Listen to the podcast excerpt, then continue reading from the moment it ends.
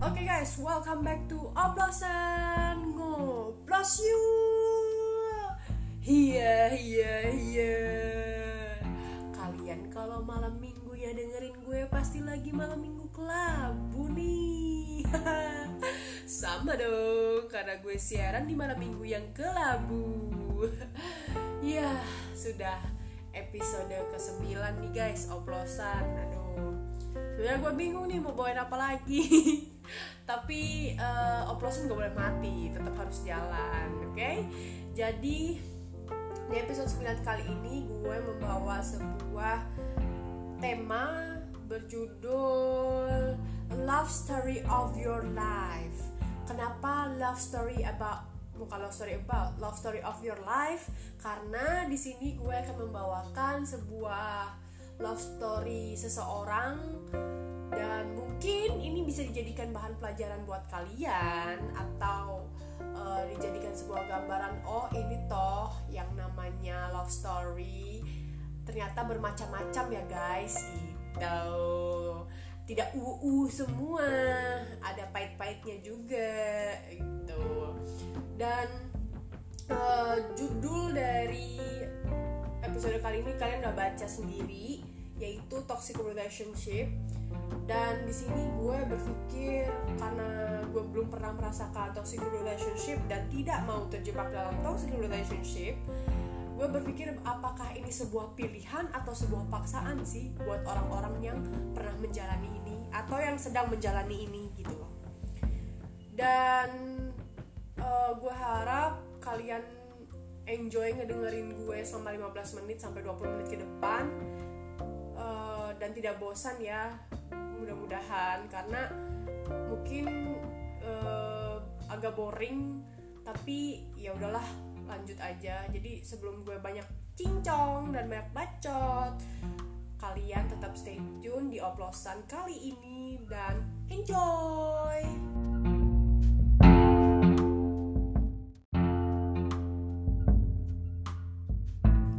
Oke jadi sebelum gue cerita tentang pengalaman temen gue yang udah pernah cerita sama gue about toxic relationship.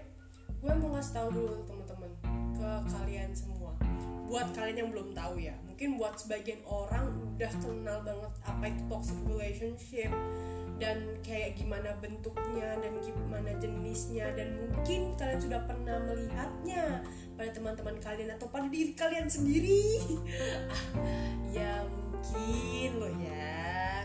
Kan nggak menjudge. Jadi sebenarnya toxic relationship itu kalau gue googling itu adalah sebuah hubungan uh, apa ya hubungan tidak sehat yang dapat berdampak buruk bagi kesehatan uh, fisik maupun mental seseorang gampangnya adalah kita tahu bahwa toxic itu artinya beracun kalau beracun pasti bawa penyakit. Nah, kalau udah, udah ditambahin relationship, berarti itu adalah hubungan yang beracun, hubungan yang bawa penyakit, guys. Dan uh, di sini karena temanya love story of your life, gue bakal bahas tentang love story orang. Jadi gue nggak bakal bahas tentang uh, toxic relationship di dalam family or friends ya, karena uh, gue sendiri mungkin belum pernah mengalaminya uh, dan mungkin tidak mau mengalaminya. Dan mungkin gini uh, belum apa ya gue belum serk sama pembahasan tentang toxic relationship di bagian family dan friends. Karena mungkin kadang toxic di lingkungan family and friends itu perlu dilakukan tapi kadang nggak perlu juga dilakukan gitu loh. Jadi kayak masih complicated untuk gue bahas tentang itu. Jadi uh, never mind about toxic relationship di keluarga dan friend dulu ya. Jadi gue bakal bahas tentang toxic relationship di love story di hubungan uh, pasangan gitu loh penyakit kalian juga perlu tahu nih gimana sih bentuk-bentuk dari toxic relationship itu dan apa sih yang mencirikan bahwa hubungan kalian itu ada di tahap toxic. Yang gue tahu dari narasumber gue ini yang uh, mengalami yang pernah mengalami ya dia uh, sebut aja si mawar. Nah si mawar ini salah satu temen gue yang menjadi salah satu narasumber gue di mana dia pernah mengalami uh, toxic relationship. Bukan pernah mengalami ya pernah menjalani dan pernah mengalami toxic relationship with her past boyfriend di mana dia sampai kayak apa ya sampai nggak bisa cerita pada saat itu gitu loh keadaannya jadi kayak gue baru tahu ceritanya itu pas setelah mereka putus. Dan uh, di sini dia tuh cerita ke gue kalau toxic relationship itu sebenarnya ada dua macam put katanya. Apa aja sih uh, toxic relationship tuh?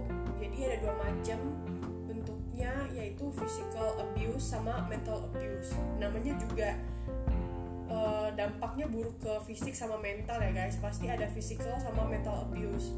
Di mana kalau biasanya kalau physical abuse kita tahu sendiri kalau ada yang orang pacaran yang pakai sampai marahnya tuh sampai tonjok-tonjokan lah sampai tampar-tamparan atau mungkin sampai ya melakukan KDRT kalau di dalam hubungan suami istri. Kalau kalau dibawa ke ranah pasangan juga KDRT nggak sih namanya? Atau apa gue nggak tahu lah. Pokoknya intinya ada physical abuse ada tindakan kekerasan secara fisik. Itu misalkan contohnya kalau lagi berantem tadi gitu loh. Mungkin sampai sampai ada yang berdarah lah hidungnya patah lah. Ini berlaku buat cewek atau cowok ya pelakunya guys. Karena physical abuse tuh nggak memandang nggak memandang apa ya nggak memandang gender gitu loh. Mungkin ada di luar sana yang uh, jarang ngeliat kalau misalkan cewek ngelakuin kan ngelakuin physical abuse ke cowoknya. Tapi kayaknya ada sih tapi gue nggak pernah tahu ceritanya tapi mungkin ada. Terus yang kedua itu mental abuse. Ini kekerasan secara mental. Di mana kekerasan secara mental ini tuh nyakitin perasaan contohnya. Nah kayak gimana sih nyakitin perasaannya? Itu kayak misalkan kalau lagi kalian lagi berantem kalian misalkan oke okay, nggak physical abuse tapi kalian tuh salah satu dari kalian itu kayak ngejatohin salah satu dari kalian. Misalkan ya si cewek kayak temen gue si cowoknya ini itu mantannya ini sorry mantannya ini uh, itu sebenarnya nggak physical abuse tapi dia tuh mental abuse. Kenapa? Karena pada saat berantem temen gue tuh dikata-katain sama mantannya. Dikata-katain entah dibilang murahan lah dibilang apalah itulah dan itu tuh bener-bener nyakitin perasaan terutama buat cewek ya guys. Tapi ada juga mungkin uh, apa sih tindakan-tindakan kalau misalkan uh, cewek yang melakukan mental abuse ke cowoknya. Kayak ngelarang ini itu terus kayak malah apa ya marah dengan hal-hal yang gak jelas terus cowoknya tuh kayak iya iya aja dan apa ya kayak kalau orang lain lihat tuh adalah hal sepele tapi si ceweknya tuh bener-bener kayak marahnya tuh uh ya Tuhan. Nggak kira-kira lah marahnya kayak bener-bener udah ngata-ngatain terus apa ya ngejelek-jelekin juga kadang tapi ya masih ada aja gitu loh cowok yang mau sama cewek. Nah itu salah satu contohnya. Gue bilang kalau uh, toxic relationship ini nggak memandang bulu pelakunya baik yang physical atau mental abuse ya guys. Jadi hati-hati banget buat kalian yang mungkin hampir dan mau terjebak dalam keadaan itu. Diperhatikan lagi yuk berantemnya. Ups sorry. Bukan diperhatikan lagi berantemnya. Dilihat lagi ya cara berantem kalian tuh kayak gimana maksudnya apakah sama-sama marah? Apakah salah satu cuman uh, apa ya? Cuman menerima menerima aja atau gimana gitu loh.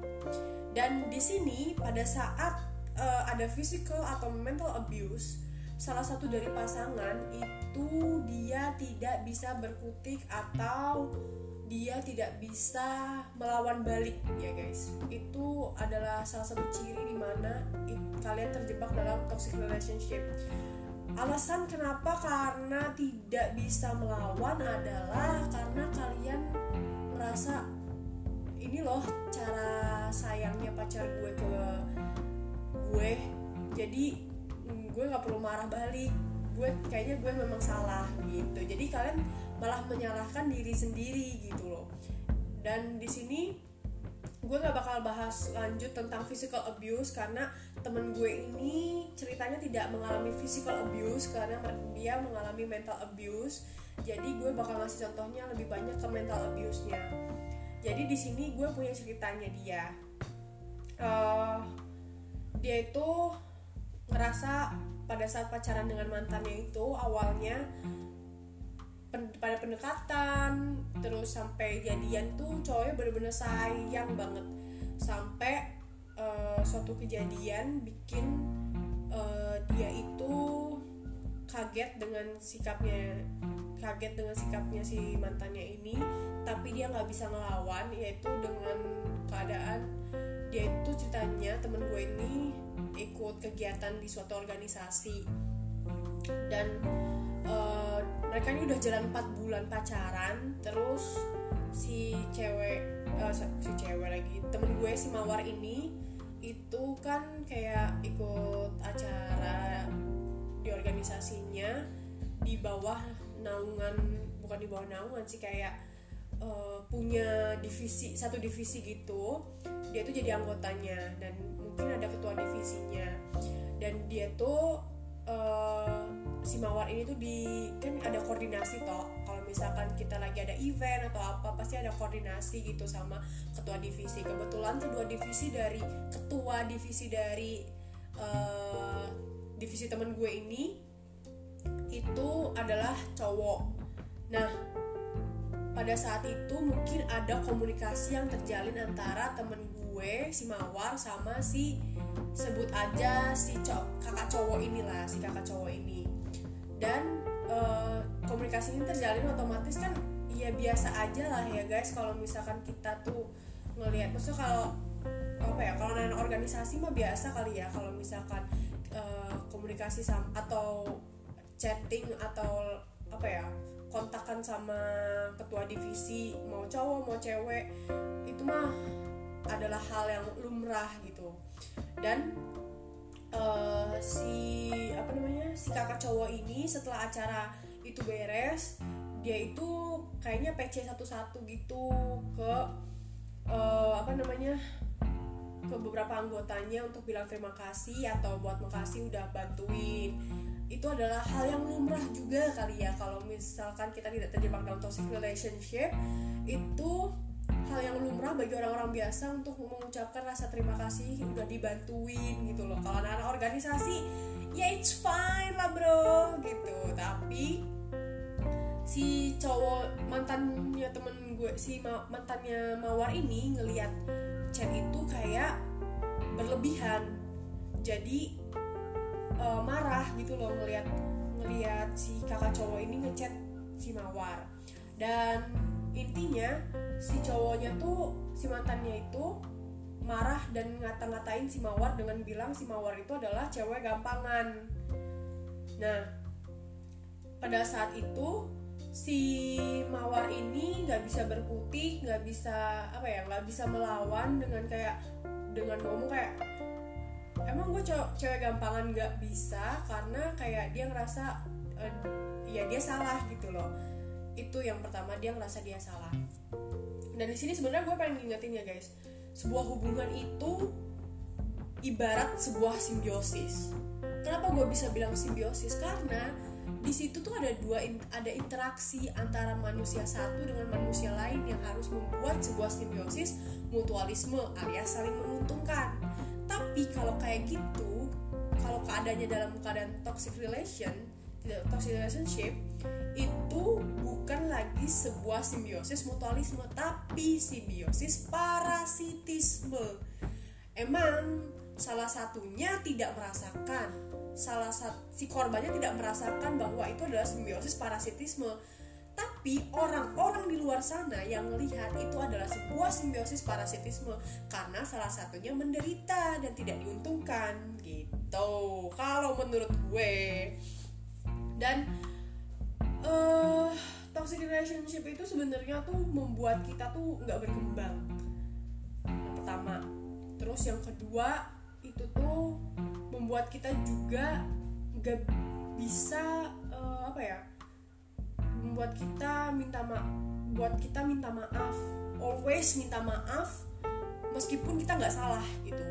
Dan juga membuat kita kadang jadi lebih nggak produktif karena kita dikekang terus sama pasangan kita.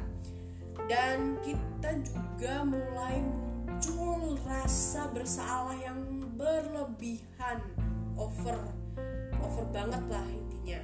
Itu yang temen gue rasakan.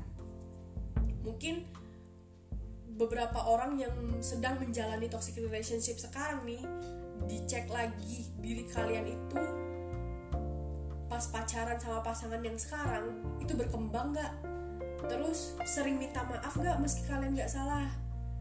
Insecure gak terus tidak produktif juga nggak? Atau kalian dikekang terus mungkin? Atau kalian punya rasa bersalah yang berlebihan kalau kalian ngelakuin hal salah kecil yang mungkin sepele lah orang lihat? Nah coba deh guys dicek lagi hubungan kalian. Apakah kalian kayak gitu?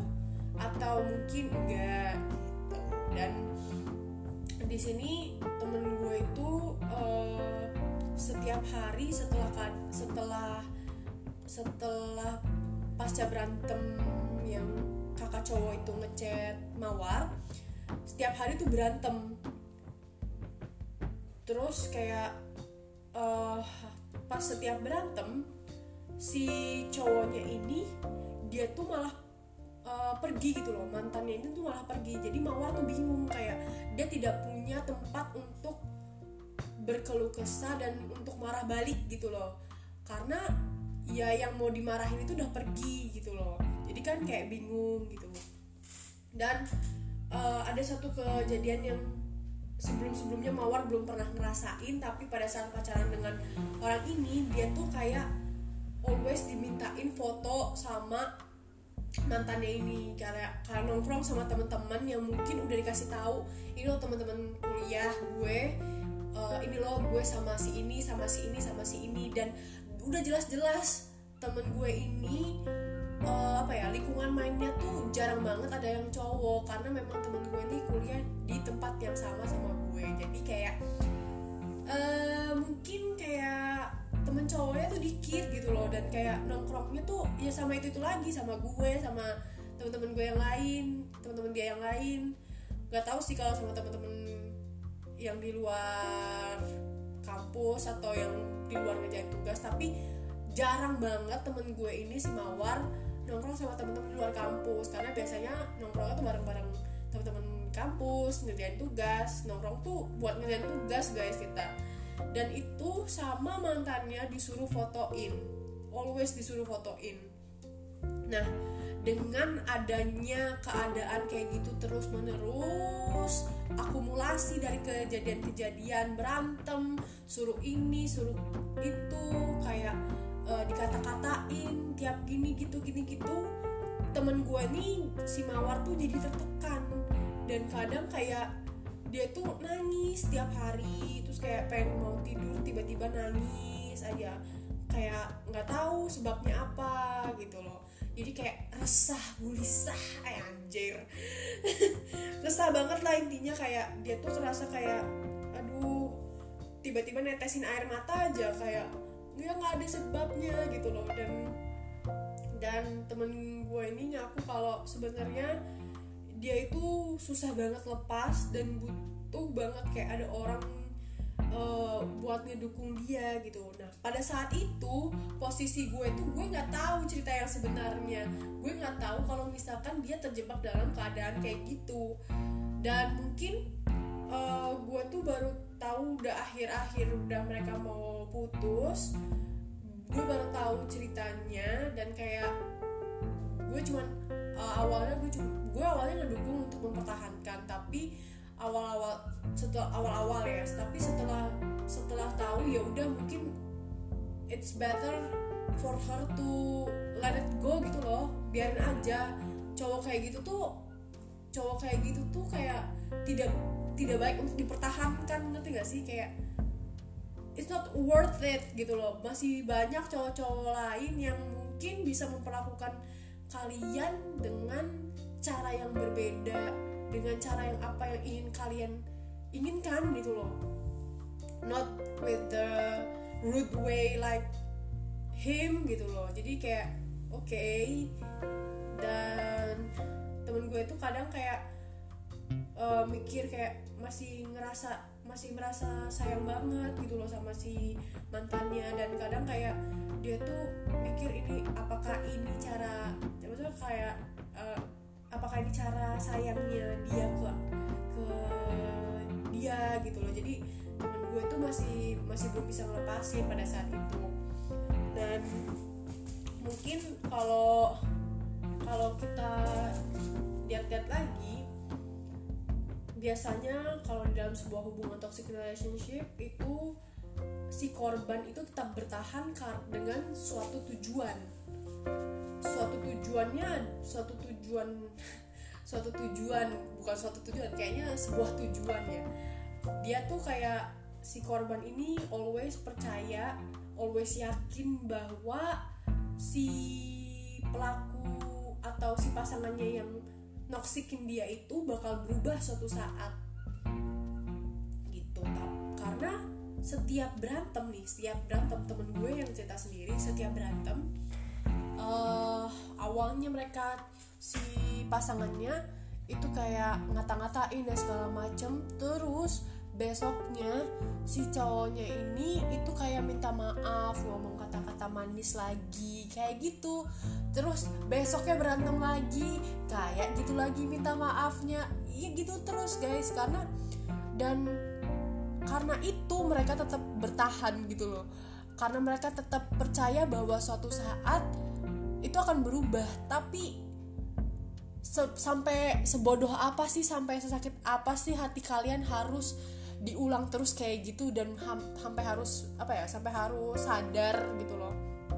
Karena uh, apa ya kalau kayak gitu terus kan iya nggak selesai selesai masalahnya gitu loh. Karena mungkin uh, temen gue ini cerita masalahnya tuh masalah sepele gitu loh. Masalah yang hal-halnya remeh remeh temeh gitu dijadi up dijadi di up di blow jeder masalah besar gitu. Nggak good juga sih kayak gitu. Sebenarnya kayak posesif boleh guys. Posesif boleh posesif boleh. Cuman ada tarafnya gitu loh posesifnya. Ya diomongin baik-baik. Kalau misalkan cemburu. Ya omong lah saya nggak suka kamu main sama dia gitu. Ih pakai saya saya lagi. Ya gitulah intinya guys. Kalau posesif boleh. Beda ya uh, apa ya posesif berlebihan dan posesif tuh sebenarnya beda. Kalau posesif aja nggak apa-apa posesif berlebihan yang kurang baik. Karena apa pun yang berlebihan itu tidak baik begitu guys. Dan sebenarnya toxic relationship itu juga kayak ibarat misi seseorang dalam satu tim tapi mau ngebom kota sendiri gitu. Jadi kita sebagai korbannya itu harus abort mission abort mission gitu guys. Harus menggagalkan. Karena apabila tidak digagalkan atau kita nggak mau nge-abort that mission ya tetap aja siklusnya terus berulang kayak tadi gue bilang. Tuh ceritanya dan uh, apa ya? Kayak kalau misalkan sampai kalian ke jenjang yang lebih serius mungkin ya.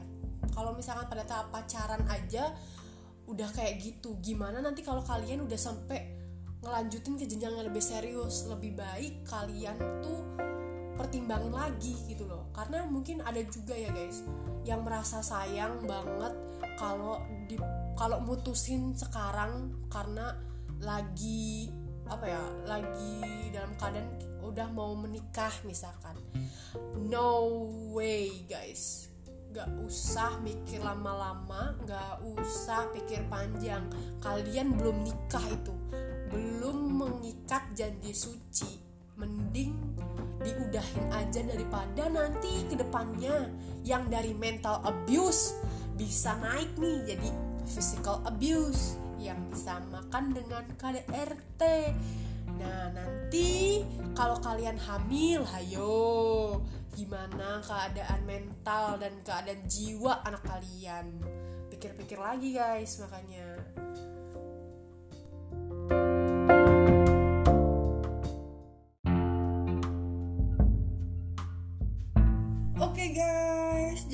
Cukup sekian untuk obrolan di oplosan malam kali ini. Gue udah terlalu banyak bacot. Jadi uh, gue ingin menyimpulkan bahwa uh, toxic relationship ini itu adalah bukan sebuah paksaan ya guys. Jadi gue tekankan buat kalian yang sedang menjalaninya ini tuh bukan paksaan.